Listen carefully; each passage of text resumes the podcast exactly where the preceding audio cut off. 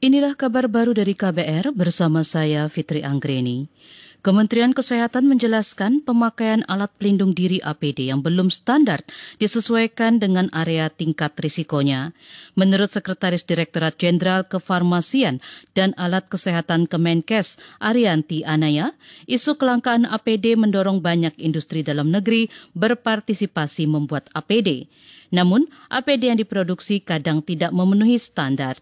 Untuk APD yang belum sesuai dengan standar dan standar bahan yang ada di dalam pedoman dari Kementerian Kesehatan serta belum memenuhi standar uji yang telah ditetapkan oleh Kementerian Kesehatan tetap dapat digunakan. Tetapi tentu harus digunakan di area-area yang mempunyai tingkat resiko rendah.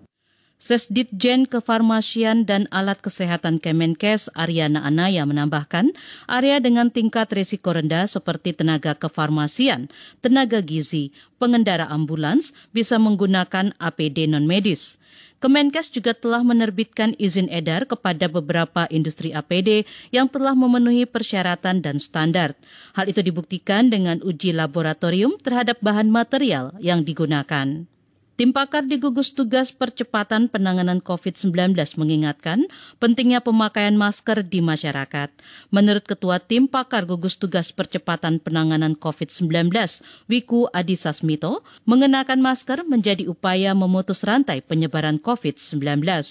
Sebenarnya pakai masker, kita, saya pakai masker, pasti saya melindungi orang lain mm. bukan melindungi saya. Yeah. Kalau saya punya virus di dalam saya, saya pakai masker, mm -hmm. nggak ada gunanya kan saya sudah memang punya virusnya. Yeah. Maka saya melindungi orang lain. Yeah. Maka dari itu orang lain harus melindungi kita. Oh. Caranya dia juga pakai masker. Yeah. Baru kita sama-sama melindungi. Ketua Tim Pakar Gugus Tugas Percepatan Penanganan COVID-19, Wiku Adhisa Smito menjelaskan, penggunaan masker kain yang direkomendasikan yakni berbahan katun, berlapis tiga, dan menutupi mulai dari hidung, dagu, dan pipi. Wiku juga meminta masyarakat mencuci tangan setelah melepas masker. Kementerian Agama menyiapkan dua skema pengembalian dana pelunasan biaya perjalanan haji jika pelayanan ibadah haji tahun ini dibatalkan akibat pandemi COVID-19. Direktur Jenderal Penyelenggaraan Haji dan Umroh Kementerian Agama, Nizar menyebut biaya yang akan dikembalikan yaitu setoran pelunasan biaya perjalanan ibadah haji, BPIH. Skema pertama yaitu calon haji mengajukan pengembalian dana pelunasan BPIH ke kantor wilayah Kementerian Agama Kabupaten Kota. Skema kedua, dana pelunasan BPIH dikembalikan kepada semua jemaah baik mengajukan maupun tidak. Sedangkan setoran awal ongkos haji hanya bisa ditarik kalau calon haji berniat membatalkan rencana menunaikan ibadah haji. Calon haji juga masih berhak berangkat ke Tanah Suci tahun depan meski hanya menarik setoran uang pelunasan BPIH. Ekonomi Tiongkok terkontraksi atau mengalami pertumbuhan negatif minus 6,8 persen pada kuartal pertama tahun ini dibandingkan periode yang sama tahun lalu.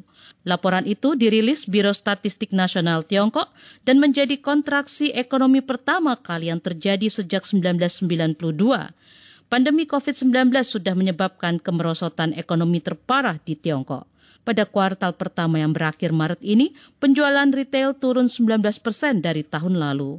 Sementara produksi industri turun 8,4 persen. Selama Januari dan Februari, aktivitas ekspor turun begitu juga dengan manufaktur. Demikian kabar baru dari KBR, saya Fitri Anggreni, salam.